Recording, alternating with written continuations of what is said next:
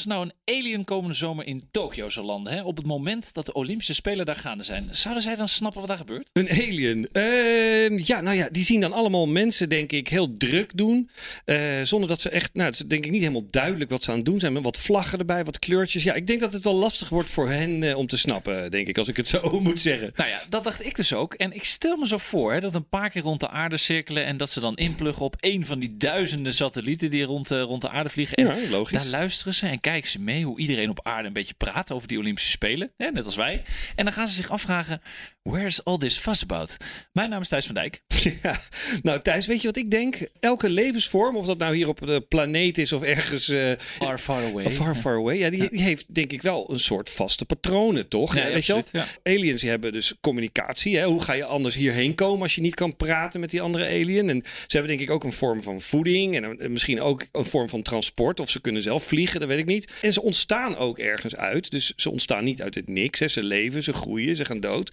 Dus ik denk ja, dat eh, als aliens kijken naar de Olympische Spelen in Tokio en ze zien dus inderdaad eh, schaars geklede mensen sprongen maken, hardlopen of eh, met rare hoedjes op en helmen. Ja, of dat ze met dingen gooien. Ik denk dat als je dat zonder context probeert te begrijpen, ik denk dat de aliens het zien als een soort, ja, een soort paringsdans. mijn naam is Daniel Kok en dit is Bakkie Media. Ja, Daniel, klinkt aannemelijk, moet ik zeggen. En ik las voorafgaand aan deze aflevering nog even het nieuws dat de Chinese raket is losgeslagen die rond de aarde vliegt. Oh, en eh, oké. de Amerikanen zijn bang voor inslag. Ze schieten hem niet uit de lucht, maar je moet wel oppassen als je in Amerika eh, woont. Want over 40 uur komt hij eh, nou, naar de aarde. Dus u heeft eh, wat Chinese alientjes. Maar ja, wij hebben ook een beetje onze eigen bakkie media. X-Files, een prachtige serie eh, uit jouw tijd. Aliens zijn natuurlijk enorm fascinerend. En daar kunnen we ook een hele aflevering aan wijden. En daar kom ik straks in Complot or Not nog uitgebreid op terug. Maar vandaag gaan we het hebben over iets heel anders.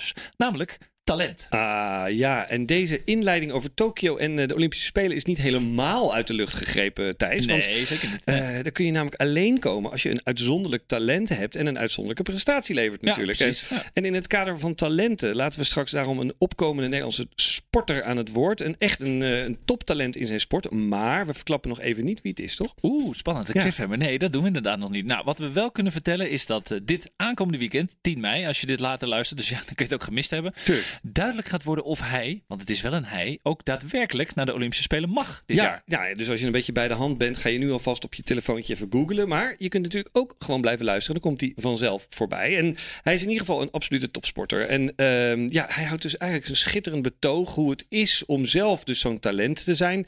Maar hij ziet zichzelf niet zo, hè? Nou, klopt ja. Het is een, ja, schitterende vent is het. En eh, ook een oud student van mij. Dus het wordt steeds makkelijker om, eh, om te googlen. Maar eh, het mooie van vandaag is, is dat we dus niet alleen een sporttalent hebben, maar ook iemand wiens werk het is om daadwerkelijk talenten te herkennen en te begeleiden. Niemand minder dan Savina Stapert-Meulenberg, casting director bij Thea Meulenberg Casting Bureau. Hele Ja. mond vol. Zo. Eh, en zij vinden en plaatsen talent voor allerlei reclamefilms, commercials, campagnes. Nou, daar zal jij natuurlijk wel wat aan hebben. Zeker. Ehm, en dat is ook wel bijzonder, hè? Uitzonderlijk talent herkennen. Dat is minstens zo belangrijk, denk ik. Ja, Sevina heeft een eh, mooi pleidooi voor het koesteren en samenwerking eh, met talenten.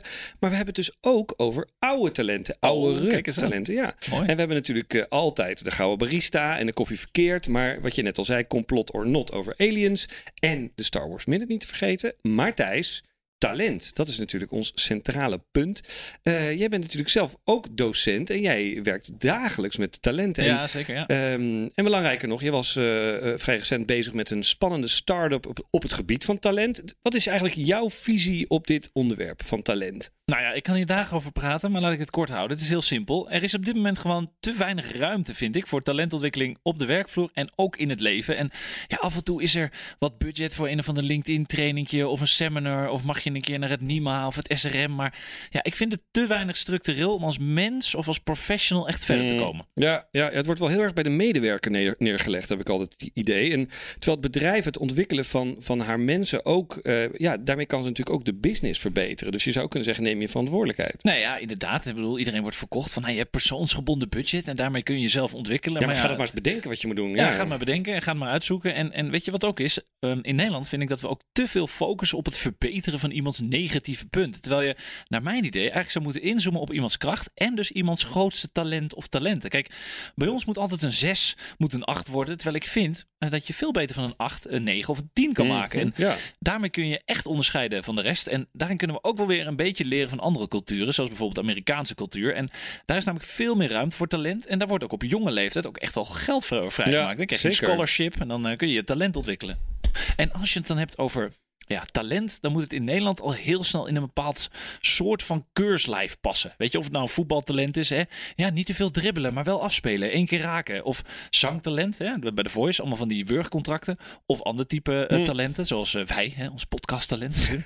ja, en in Nederland is het zo van, ja, doe maar gewoon, want dat doe je al gek genoeg. Niet boven het maaiveld uitsteken, alsjeblieft niet. En ja, ik vind dat dat eigenlijk moet veranderen. Dus dat is een beetje mijn pleidooi voor, uh, voor vandaag. En ja, ik had er onlangs ook nog een heel mooi gesprek over met een, nou, een oud toptalent en ook wel legendarische cultheld Roy Mackay. Wie kent hem niet? Interessant. Maar goed, in, uh, in Nederland is het dus inderdaad, uh, inderdaad vaak iedereen gelijk, niemand rijk. Weet je ja. wel, we zijn ja. allemaal gelijk en niemand mag boven het maaiveld. Precies wat je net zei. En lijkt het wel eigenlijk misschien wel een soort jaloezie af en toe. En um, ja, dat begint natuurlijk ook al bij de talenten die zelfs nog niet eens topper zijn. Weet ja, je wel. Absoluut, en, um, uh, en ik zat op een gegeven moment ook een beetje na te denken en, en ook een beetje te googlen. Nou ja, en wat, wat je daar dan ziet is dat bijvoorbeeld in Engeland is het ondenkbaar dat je als scholier geen Shakespeare krijgt of Voltaire in, in Frankrijk. Dat is verplichte kost, weet je. Dat is gewoon, uh, talent wordt gewaardeerd en uh, die mensen die moet je gewoon lezen. Dat hoort gewoon bij je ontwikkeling. Maar Joost van de Vondel, ik kan me niet herinneren dat ik die uh, Nee, ik alleen kreeg. het verrotte leven van Floortje Bloem. Dat kan ik nog heel erg. Of de donkere kamer van Damocles. Nee, maar ja, en, dat, Ja. dat, die boeken of die de werken van Joost van de Vondel, die, die liggen allemaal in de bibliotheek stof te, te vangen. Terwijl we wel met z'n allen daar in dat park rondlopen zonder precies te weten wie het is. En ja, en die lezen we dus niet meer. En ja, ik, ik denk dat je precies wat jij zelf ook al zei. Talent moet je vieren en dat moet je omarmen. Nou ja, zo zie ik het ook. Wat zijn we het lekker eens vandaag? Zeg? Wat zijn we lekker zeker. eensgezind? Maar ja, kijk, uh, een talent of, of meerdere talenten, ja, dat is iets bijzonders. En dan heb ik het niet alleen over de in het oog springende talenten, zoals we het al over hadden, sporters, kunstenaars, schrijvers. Maar wat mij, ook, wat mij betreft zijn dat ook programmeurs, advocaten, meubelmakers of bijvoorbeeld uh, ondernemers. Hè? Ondernemerschap, Zeker. dat is ook echt wel een specifiek talent. Hoor, Ja, ja, helemaal eens. Nou, weer eens. Hè. En, Bah, zijn we eensgezind? Ja, Gadverdamme.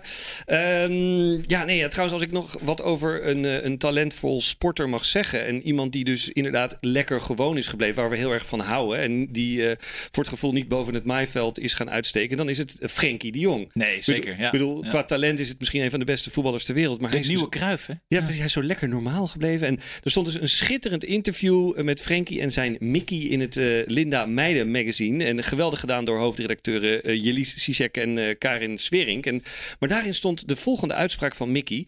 Eh, afgelopen zomer reden Frankie's opa en oma helemaal naar Spanje met in een pannetje op de achterbank homemade gehaktballen voor Frank.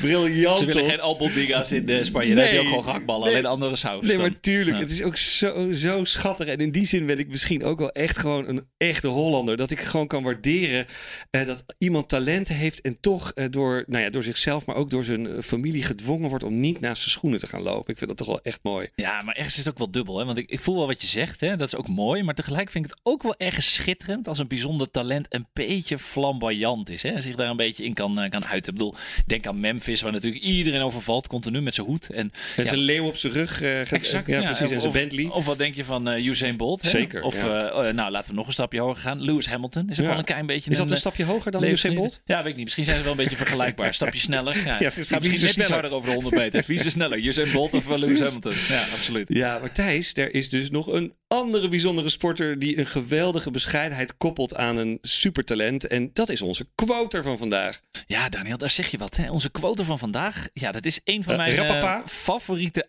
oud-studenten. En de Nederlandse topzwemmer Stan Pijnenburg. Ik noem hem altijd als ik hem spreek, zeg ik, nou, jij bent een beetje de, de nieuwe Pieter van de Hoogband. Maar dan zegt hij dat, nee, nee, ik ben nog lang geen eh, Pieter van de Hoogband op zijn eh, prachtige Brabants. Maar eh, ja, ik mocht, hem als, ik mocht hem als docent lesgeven, een talent ontwikkelen. Ja, echt een geweldige, geweldige kerel die ik ook nog eens heb mogen inspireren om zijn eigen podcast te starten met de briljante naam Van Stan tot Finish. Ja. Ja, dat is de, de podcast voor Zwemmend Nederland. Ga, die ook echt luisteren, dames en Ja, heren. ja, ja, ik vind het ook echt een goed idee voor eh, podcast. En eh, wist je trouwens dat ik in mijn jeugd ook nog wedstrijden heb gezwommen? Thijs? Nee, nou, ik leer telkens weer wat nieuws eh, over jou, Daniel. Maar goed, het woord is nu aan Stan. Stan, take it away. Ja, hallo mannen van eh Bakkie Media. Eh, leuk dat jullie mij de vraag stellen hoe het is om een eh, uitzonderlijk talent te zijn. En ik voel me ook wel heel eh, gevleid eigenlijk dat jullie dat zo noemen. Want zo zie ik mezelf eigenlijk nooit als een eh, uitzonderlijk talent.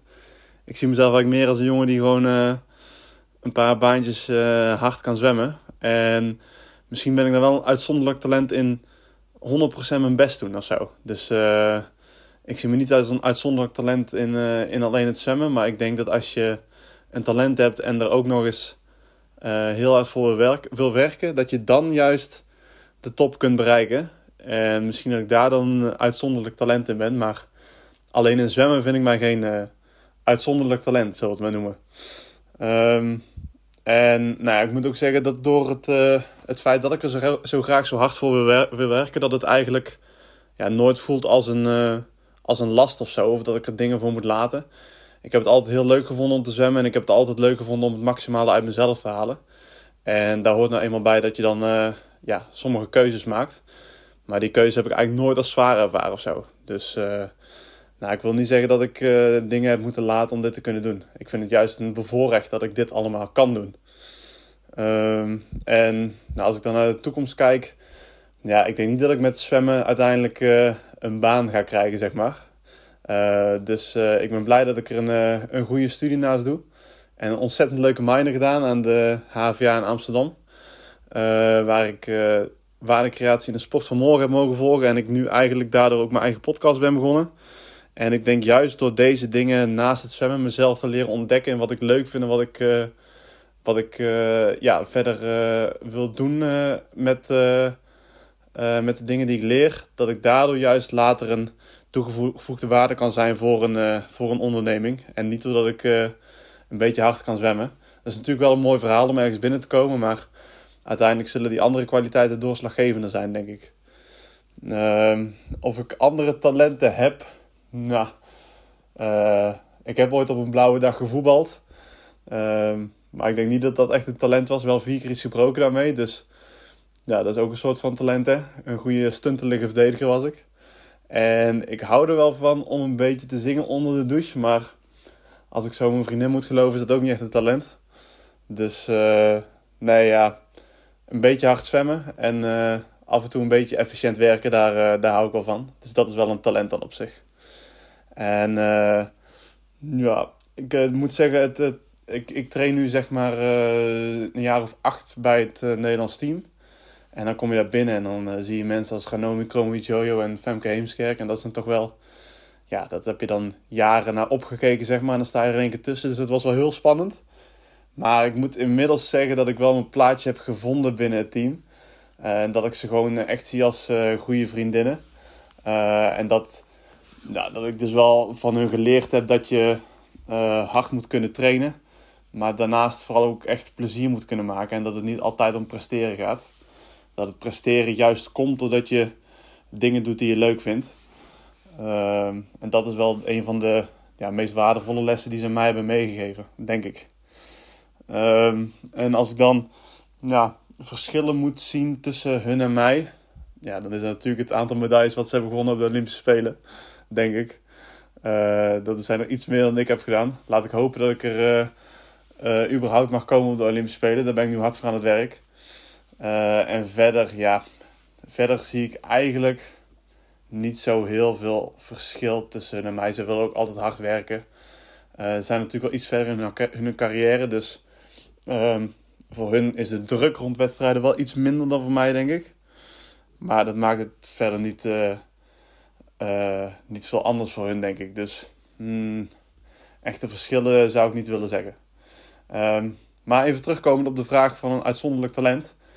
Uh, jullie vinden mij een uitzonderlijk talent dus. Maar nou, hoe, hoe is het voor jullie om een uitzonderlijk talent te zijn in de wereld van de podcast? Daar ben ik eigenlijk wel benieuwd naar. Dus uh, laat me weten, zou ik zeggen. Veel plezier nog, hè. Ciao, ciao. Ja, wat een geweldige fan zeg. Goede quote ook van hem. En eerst dacht ik toen ik uh, het eerste deel van zijn quote hoorde van... is hij niet te bescheiden, weet je wel? Dat hij als topzwemmer zichzelf niet typeert als zwemtalent. Maar nou ja, hij heeft er dus wel echt goed over nagedacht. Hè? Hij ziet zichzelf dus gewoon vooral als iemand die gewoon heel... Uh, ja, ik weet niet, gestructureerd is en grondig en gedreven. En um, dat vindt hij van zichzelf dan eigenlijk meer bijzonder dan zijn fysieke zwemskills. Ja, wat ik vooral ook wel knap vind aan Stan, is dat hij met zijn, met zijn 24 jaar al zo ontzettend goed weet, dus eigenlijk wat zijn goede punten zijn. We hadden het erover, hè? focus op je talenten. En ik ben een beetje als een vader, een beetje trots op hem. Weet je wel, dit is eigenlijk waarom ik ben gaan lesgeven, Ja, Daniel. Voor, ja. voor talentontwikkeling en dit soort dingen. Is toch schitterend? Nou ja, dat is precies wat je eerder zei. Hè? Hij weet wat zijn acht is en hij, hoe, hoe hij er een tien van moet maken. En, maar goed, hij vindt ons dus getalenteerde podcastmakers. Hè?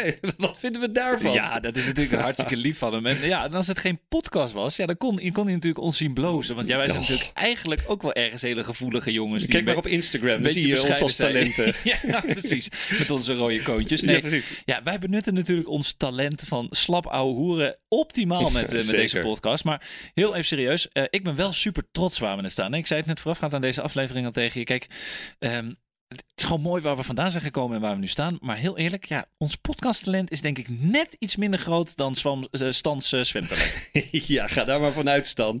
Jij staat dichter bij die absolute top eh, dan, wij. Ja, maar absoluut, ja. Weet je wat het is? En dat hoor ik dus ook een beetje in, in zijn verhaal. En ik, ik heb het gevoel dat ik ook echt gewoon direct tegen hem praat.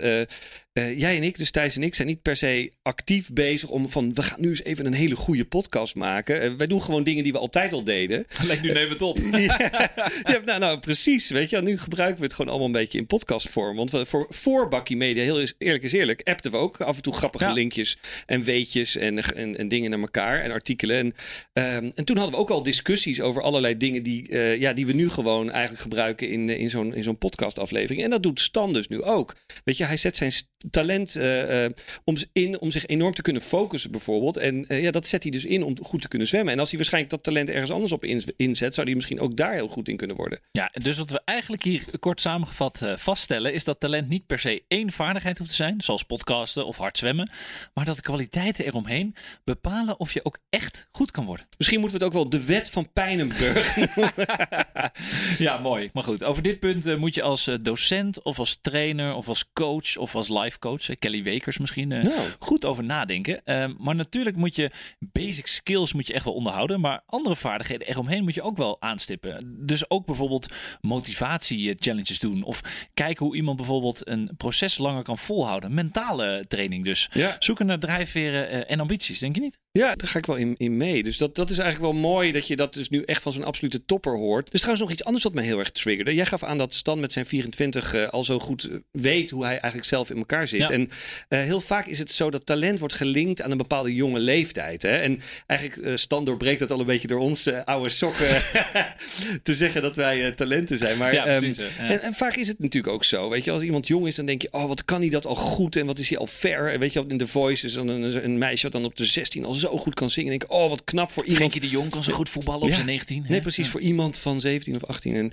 maar goed, ehm, ja, eh, ik las laatst iets heel interessants. En dat is bijvoorbeeld dat eh, bepaalde acteurs, zoals Morgan Freeman eh, en Judy Dench, die waren al dik boven de 50 voordat ze brede erkenning kregen voor hoe goed ze Ja, waren. bizar eigenlijk, hè? Ja, dat kan je eigenlijk helemaal niet voorstellen als je ziet hoe, hoe goed zij zijn. En wat helemaal mooi is, als je bij een ouder iemand, misschien wel een gevestigde topper of zo, eh, nieuwe talenten eh, ontdekt. Of dat hij dat bij zichzelf ontdekt. En eh, dat is trouwens ook een heel mooi linkje naar onze gouden barista van deze aflevering.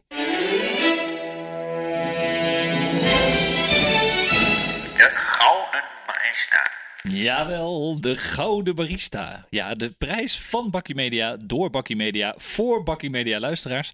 Ja, elke aflevering nomineren we iets of iemand. En aan het einde van het jaar overhandigen we, ja, wat eigenlijk? Ja, dat weten we Daar nog zijn we nog mee bezig. Misschien wil iemand een award eh, sponsoren. Mag, Eh, mag dat gewoon. kan. Maar goed, eh, je had het net al over het ontdekken van nieuwe talenten bij een ouder iemand. Nou, wie verdient deze week de Gouden Barista? Nou ja, daar heb je helemaal gelijk in. Ik denk dat we eh, 4 mei op de Dam een van de mooiste dodenherdenkingen van de afgelopen jaren hebben gezien. En Ja. dat kwam onder andere ook door een 19-jarig talent, een spoken word artiest Tamara van der Elst. En die krijgt hierbij een eervolle vermelding. Maar de show werd wat mij betreft eh, gestolen door de 74-jarige André van Duin. Ja, we wisten natuurlijk al wel dat hij heel mooi kan zingen. Maar velen kennen hem natuurlijk vooral als komiek. Zeker. En eh, van eh, erkende carnavalskrakers als Er staat een paard Ja. in de gang. En pizza, pizza, oh pizza. Nou Ja. goed, hè, Willempie, ga maar door. Maar zijn ingetogen en, en mooie persoonlijke optreden heeft heel veel mensen wel diep geraakt hè, op uh, dodenherdenking. Absoluut. En uh, we hadden het zojuist over talenten. En iedereen weet dat André van Duin een, een, een enorm getalenteerde entertainer is. Maar er blijkt in hem dus ook een heel getalenteerd redenaar te zitten. Hè? Iemand die uh, verbindend en tegelijk impactvol kan spreken. En hij zou bij wijze van spreken zo een politicus kunnen zijn. Weet in je wel? Amerika zou dat prima kunnen met 74. Dan kan je gewoon president worden. nou, 78 zelfs. En, maar goed, zijn woorden waren zo mooi en, en tegelijkertijd ook wel heel krachtig in zijn eenvoud. En ze waren ook nog eens een keer heel persoonlijk en met zijn eigen En uh, ja, en wat ik inderdaad ook wel echt mooi vond, is dat, dat er dus nu een keer stilgestaan wordt bij het feit dat er onwijs veel homoseksuelen vermoord zijn in de Tweede Wereldoorlog. Maar dat dat nooit zo nadrukkelijk benoemd is bij uh, dodenherdenkingen. En nu door hem. Dat is toch wel bijzonder. Ja, we hadden het er nog over onlangs. En, en André van Duin die refereerde aan die roze driehoeken van het Homo-monument naast de Westerkerk, waar ja. hij dan uh, vaak naartoe gaat. En ja, ik weet dus niet beter dat die roze driehoek echt een symbool is van, uh, van de gay community. Maar wat ik dus niet wist, is dat dit dus nog een, ja, veel een lelijk verleden heeft. Waar Joden namelijk met de gele sterren moesten lopen, moesten homo's in de kampen met roze driehoek op hun borst lopen. En ja, ook ik leer elke dag weer wat nieuws. Zo ja, dat is inderdaad bizar. En wat het nog echt pijnlijker maakt, is dat veel homo's in de, in de kampen te maken kregen met discriminatie uh, door andere gevangenen ook nog. Weet je, naast de gewone ellende die ze allemaal via de kampbewaarders uh, kregen, kregen ze dat ook nog op, dat nog op hun dak. Hè? Dus gewoon uh, homohaat, zeg maar. Ja, vreselijk eigenlijk. Bah. Ja. ja, en dat is dan toch ook wel een boodschap die wel een keer um, mag worden genoemd. Ook door ons. Uh, ja. André van Duin deed het als geen ander. Nou, daar doen wij ook vast een duit voor in het zakje. Zeker. Uh, een dik verdiende gouden barista voor een 74-jarig toptalent. Waarbij dus een nieuw talent van hem naar voren is gekomen met het prachtige woord redenaar. Vind ik hem zo'n mooi, ja. mooi woord. Uh, je bent dus nooit te oud om iets te leren daarin. Nou, dat is misschien ook voor jou. Misschien ontdek jij ook nog een talent op jouw leeftijd. Zet mij ook op die dam, mensen. Ik heb ook wel een mooi verhaal. Jij hebt ook wel, je bent ook wel een woordkunstenaar. maar goed, thuis, thuis terug naar het uh, gewone leven. Uh, naast iedere gouden barista reiken we ook altijd een koffie verkeerd uit. En wat hebben we daar gevonden? Ja, nou, zoals altijd bij een koffie verkeerd is dat dan weer iets pijnlijks of een beetje dom, uh, zou Maxima zeggen. Beetje dom. Um, in dit geval alle twee. Kijk, Albert Heijn dacht dat ze een grappige inhaak hadden bedacht op de Nederlandse inzending voor het Eurovisie Songfestival. En in het liedje Birth of a New Age van uh, Django McCoy zit een Surinaams zinnetje. Nou, dan is mijn Surinaams niet zo goed, maar nee. ik ga het toch even proberen. Ja, ja. You know man broccoli. Nou, veel mensen maakten daar een beetje een grapje van, hè, omdat het uh, in een mama, mama appelsapje wordt genoemd. Ja. Omdat het klinkt als broccoli. Junoman broccoli. Broccoli. Broccoli, ja. Broccoli. Nou, en Albert Heijn dacht, jolig te gaan doen, leuk. Uh, we doen daar een inhaakadvertentie op. Maar ze realiseerden zich dus niet dat deze tekst te maken heeft weer met, daar is hij weer, het slavernijverleden. Ja. Het betekent dus in het Surinaams, je kan me niet breken. Nou, dat is met de broccoli, uh, kan dat wel. Oh, is inderdaad met die ketens en zo, je kan me niet, ja, weet je, ja, het is toch inderdaad absoluut, wel uh, iets gevoelig. waar, ja, gevoelig waar mensen niet, niet zo blij mee waren, denk ik. Ja, klopt. En weet je wat ook was? Kijk, een aantal mensen vonden dat door dit grapje, ja, die belangrijke boodschap van, van Django ook weer werd overschaduwd. Het Albert Heijn heeft volgens mij vervolgens ook niet echt lekker nee, een beetje half, hè, ja. Gemaakt. Ze hebben gezegd van ja, we doen wel vaker inhakers en we zagen het als een uh, mama appelsap. Vervelend als mensen het uh, ervaren hebben als zoiets. Ja, hè? het werd een beetje afgedaan als uh, ja, niet zeuren, want we haken wel vaker in. Ja. Um, ja, een beetje onduidelijk allemaal. En dat maakt het verhaal dan ook weer niet echt sterker. Moet nou zijn. ja, dus hè, daarom even, als je nog een mooie podcast wil horen over, nou ja, onder andere het slavernijverleden, luister dan naar De Plantage van onze voorouders. Een mooi persoonlijk verhaal verteld door Maartje Duin. Echt heel mooi gedaan. En wat mij betreft is zij dus ook echt een heel groot uh, podcasttalent. Ja, bij deze. Nou ja, shout-out. Uh, niet, te ver, niet te verwarren Tag. met André van Duin, maar Maartje Duin. nou, precies. Ja. ja. Maar Daniel, het, het, verschil tussen ervaren talenten zoals André van Duin uh, en jongeren is dat jongere talenten toch nog wat meer begeleiding uh, nodig hebben. En Zeker. daarbij, niet bij iedereen komen de opdrachten zomaar binnenvliegen. Klopt. Talenten hebben ook vertegenwoordiging nodig. En daarom hebben we Savina Stapert Meulenberg gevraagd, die dag in dag uit met deze talenten werkt als casting director. Savina, take it away. Als je een impactvolle commercial of scroll-stopping content wil maken, die de doelgroep in het hart raakt, dan moet je magie willen creëren. Iedere seconde telt in een commercial, dus ieder detail telt. Een getalenteerde acteur, actrice of model brengt een idee tot leven. Zij zorgen dat je project in mensen hun geheugen gegrift staat. En dat maakt nou net het verschil. Hoe herken je goede acteurs of modellen? Nou, ze, ze hebben passie, ze volgen hartstochtelijk hun droom. Ze staan graag in de spotlight, willen shinen, entertainen of verhalen vertellen. Het zijn performers in hart en nieren. Goede acteurs of modellen zijn geloofwaardig in hun rol. Ze leven zich in en blijven in karakter. Ook hebben ze de ervaring om camera, licht en geluid voor en met ze te laten werken. De talenten gaan goed om met regieaanwijzingen. Ze voelen wat de regisseur voor ogen heeft. Het is echt een samenspel. Daarnaast beschikken getalenteerde acteurs en modellen over een grote variatie aan gezichts- en lichaamsuitdrukkingen. Vaak subtiel, maar ze kunnen ook groot spelen. Daag ze eens uit. Ze kunnen verder uit hun comfortzone dan jij. Een recept voor succes voor een talent is vooral doorgaan, volhouden, met passie je dromen blijven volgen, er dagelijks mee bezig zijn. Daarnaast moet je je praktische zaken goed regelen, professioneel en flexibel zijn en je omringen met mensen die je in je vak inspireren. We zien dat het hele proces van content maken steeds strakker wordt gerealiseerd. En dit komt de creativiteit van talent op de set niet altijd ten goede. Dat zien we als een gemiste kans. Onze tip? Maak vooral gebruik van de rijkdom en kennis en ervaring van experts. Dus niet alleen die van een casting director, maar overleg ook meer met de actrice of acteur. Wat wil je echt zien en horen? Welk verhaal wordt er verteld? Wat is hun idee daarbij? Acteurs zijn geen pure uitvoerders. Het zijn zeer ervaren mensen die ook ideeën of aanvullingen kunnen hebben. Magie creëer je immers samen op de set. Is er genoeg waardering voor talent? Dat vraag ik me wel eens af. Want onderschat de rol van een goede cast niet. Weet je hoe moeilijk het is om voor de camera te staan? Om een echt goede acteur of actrice te zijn, moet je kwetsbaar zijn, sensitief en openstaan. Dan pas kun je je inleven en een visueel verhaal vertellen. Dat is een bijzonder talent en dat beseffen veel mensen zich misschien niet. Een talent moet goed weten wat er van hem of haar verwacht wordt. We hadden pas een acteur op de set voor een tv-commercial die na een uur pas hoorde dat het grappig moest zijn. Oh, ja, toen stond het er zo op. En nog iets anders. We zien wel eens dat cast bij commerciële projecten bijna als een product wordt ingezet of behandeld. Dat is echt een gemiste kans, want cast maakt of breekt je film. Op LinkedIn zien we dagelijks de credits langskomen van alle mensen die betrokken waren bij de totstandkoming van een filmpje. Daar staat eigenlijk nooit de casting director of cast bij.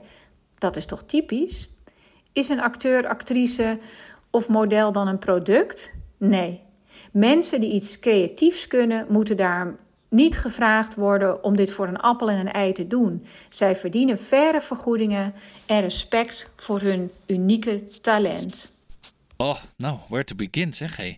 Ja, heel veel interessante invalshoeken wel uh, van Savina. Ik, uh, ik hoop dat er een ja, flink aantal mensen naar haar verhaal hebben zitten luisteren. Inclusief ook veel jonge talenten. Want wat ik mooi vond, was dat ze zei over magie. Hè? Dat magie Ja, altijd voortkomt absoluut. uit een Ja. bepaald specifiek talent. Ik denk ook echt wel dat dat klopt. En ik vind dat een hele mooie analogie. En dat je ook altijd talenten dus moet laten meedenken over je plannen. Interessant, toch? Ja, echt super interessant inderdaad. En ze vermelden ook dat talent steeds vaker als een soort product wordt ingezet. Hè? Dus dat er gewoon eigenlijk helemaal niet naar wordt gekeken. Ze staan niet op de aftiteling. Bij de award-uitreiking wordt er eigenlijk ook verder niet echt gekeken naar de acteurs of de modellen. Ehm, het is een beetje een soort wegwerpartikel geworden. Ja, dat is echt zonde. Dat Ja. is echt, eh, echt helemaal niet oké voor mensen die, die uitzonderlijk gevoelig en, en getalenteerd zijn. En ehm, ja, tijd om ook op dat gebied eh, talent meer te gaan waarderen. Eigenlijk precies wat jij, waar jij net al mee begon. En, nou ja, en goed ook dat er daarom professionele begeleiding eh, bestaat, zoals Savina, maar ook door nou ja, mensen zoals jij op de HVA. Nou, ik nodig bij deze Savina eh, van harte uit voor een gastcollege bij Leuk. de HVA. En- Doen. Maar Daniel, ehm, nu jij het onderwerp van professionele begeleiding en coaching hebt aangesneden, ik hoorde jou van de week daar echt iets heel, ja, zoals voor jou doen, iets heel geks over zeggen. Hè? Maar Nee. dat had natuurlijk weer iets te maken met de wereld van Oh. Star Wars.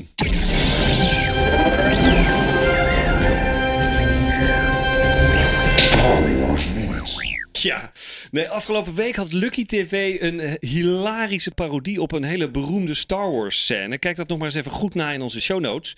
Eh, er werd nogal briljant de link gelegd tussen Bevrijdingsdag en Star Wars Day op 4 mei, waar we het de vorige keer ook over hadden.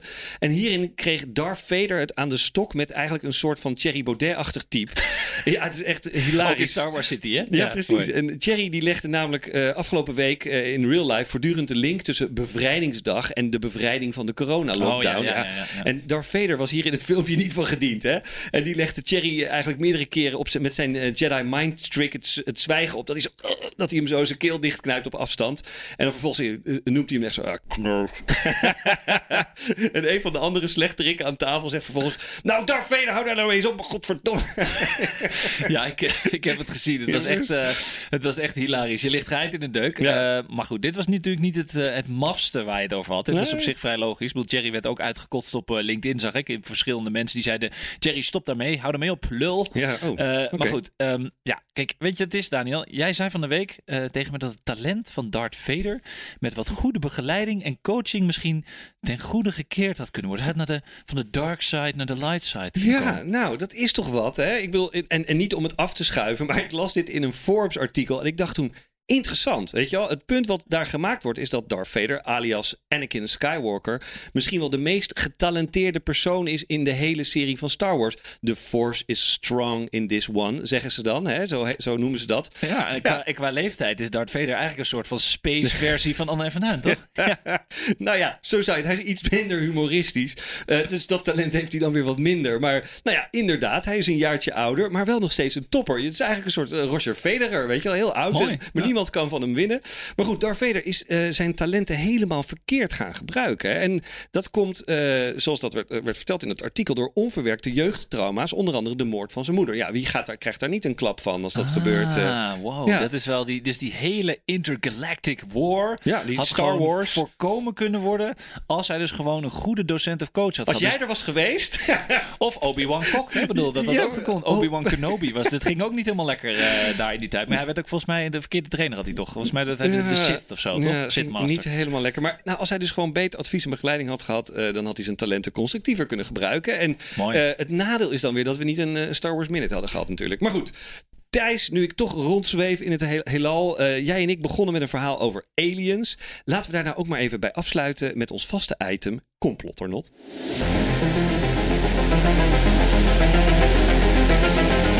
Complot. Or not. Ja, Daniel, je ziet het. Ik ga helemaal glimmen. Aliens. De daar kan- complotten komen Daar eraan. kan ik gewoon dagen over praten. Misschien kunnen we daar ook een keer een aflevering over maken. Al weet ik niet of we dan eh, onze luisteraars heel blij mee maken. Oh. Maar ja, net zaten we al een beetje eh, te filosoferen hè, aan het begin van deze aflevering. Maar de cruciale vraag in eh, deze aflevering van Complot or Not is... Zijn ze al onder ons? Of bestaan ze eigenlijk wel? En als ze er al zijn, waarom zijn we ze dan nog niet tegengekomen? Goeie vragen. Nou, wat is het antwoord? Nou ja, goed. Om te beginnen zijn er meerdere vooraanstaande wetenschappers. Nog veel wetenschappelijker onderbouwd eh, dan jij en ik. En Oh. astronauten. En nou, bijvoorbeeld ook de voormalige veiligheidschef van het Israëlische ruimteprogramma. eh, die zeggen dat ze geloven in het bestaan van buitenaardse wezens. Nou, bam.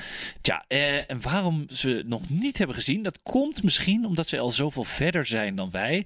Of dat ze het nut niet inzien van contact met ons als eh, species. Ja, logisch. Of dat ze simpelweg zo ver weg zitten in het heelal, far, far away, dat ze ons nog niet hebben bereikt. En we hebben er ook nog geen één gevonden, dus eh, ja. Nee, absoluut. precies. nou, dat zijn dus de theorieën. Maar hoe dan ook, hè, van Roswell tot Lubbock, van Independence Day tot E.T. Wij mensen zijn al jaren geobsedeerd door aliens. En Klopt, ja. ja. UFO-sightings, kraancirkels, vreemde lichtbollen aan de hemel. Nou, en ga zo maar door. En de vraag blijft natuurlijk altijd, wat gebeurt er nou precies in Area 51? En vrij recent was natuurlijk die merkwaardige mentale vierkante palen. weet of zo? Ja, ja. mi- midden in de woestijn, die eh, op allerlei plekken terugkwamen. Was dat nou allemaal werk van aliens? Of toch van een een of andere creatieve grappenmaker? Ja. Eh, en er zijn theorieën die dus zeggen dat aliens eigenlijk al lang onder ons zijn. Hè. Volgens de atoomtheorie, hè, wie kent hem niet, zitten de kleine ruimtewezens zelfs al in ons lichaam. Dus weet je, de atomen worden eigenlijk bestuurd door, parasieten. eh, door aliens. Ja, gewoon de parasieten. Ja. Nou, iets dergelijks geloven ze, dus, dus ook bij de Scientology Church. Hè? Een wezen genaamd, ook een mooie naam, Xenu, kwam 75 miljoen jaar geleden naar aarde om ons over te nemen. Eh, lang voordat Jezus op aarde was. En daar hebben ze bij South Park hele afleveringen over gemaakt. Dat Xenu dus echt gewoon in eh, ja, South Park Als je er meer, meer over wil weten, moet je de tekenfilm kijken. Ja, gewoon South Park volgen. Ja. Ehm, en wat te denken van deze? Van de theorie van de machtige reptiele mensen uit het Alpha Draconis stelsel. George Bush en prinses Beatrix schijnen hier ook onderdeel van, van waar? uit te maken. Oh. Ja, nou, ja, en alles wat je tot nu toe dacht over Verborgen mensen verleden. is, eh, is incorrect, Daniel. Ja. Eh, en het zou namelijk ook kunnen dat wij, jij en ik, eh, in een lab zijn gemaakt Sowieso. door de ruimtewezens genaamd Elohim. Elohim. Niet, ja, niet, Hmm. vergelijk, niet, eh, niet te verwarren met karakters uit Lord of the Rings, maar Nee. de, de Elohim. Of meer een soort... Lord- Ja, precies. Ja, Lord of the in Rings. Lord of the Rings heb je de Rohim. Ja, de, Ro- nee, Rohan. Ja, de Ro- Rohan. De Rohan Ja, Riders. de Riders of Rohan. Ja, precies. Nee, daar dus niet. En die stuurde ons dus, die Elohim, die stuurde ons dus drie figuren die wij hebben geïnterpreteerd als boodschappers van God. Dus Mozes, Jezus en Mohammed. Maar niet de minste ook. Nee, maar dat zijn dus eigenlijk aliens. Snap je, volgens de theorie? ja, ik snap het. En uiteindelijk zullen de Elohim terugkeren met de profeten. Nou, zoals je ziet, Daniel. De keuze is reuze. Ik kan er nog wel over doorgaan. Jezus. Nou ja, jij vond mijn eh, Darth Vader eh, coaching verhaal maf. Maar goed, laten we dan maar hopen dat, eh, dat hoe heet die, Elohim en Xenu wel gezellig naar de Olympische Spelen komen kijken. Zoals ze begonnen, toch? Nou ja, absoluut. En dan kunnen wij misschien die Intergalactic War vervangen door Intergalactic Games. Gaan ze die gewoon organiseren? Wordt het één gaan ze gewoon taekwondo en, Ja. en kruisboog schieten en verspringen. En, ja. Lekker eh, ruimte inclusief, eh, zouden we dan precies. zeggen. Goed, dames en heren. Dit was Bakkie Media alweer. Deze aflevering is zoals gebruikelijk terug te luisteren op alle bekende podcastplatformen. Ook kan je ons vinden op de platformen van onze mediapartners, de Adformatie en Topcast Media. Volg ons ook op social media. Op Twitter via @bakkiemedia, op Instagram via @bakkiemediapodcast en ook op Facebook zijn we uiteraard te vinden voor onze familie en vrienden. Tot de volgende keer. Hoi!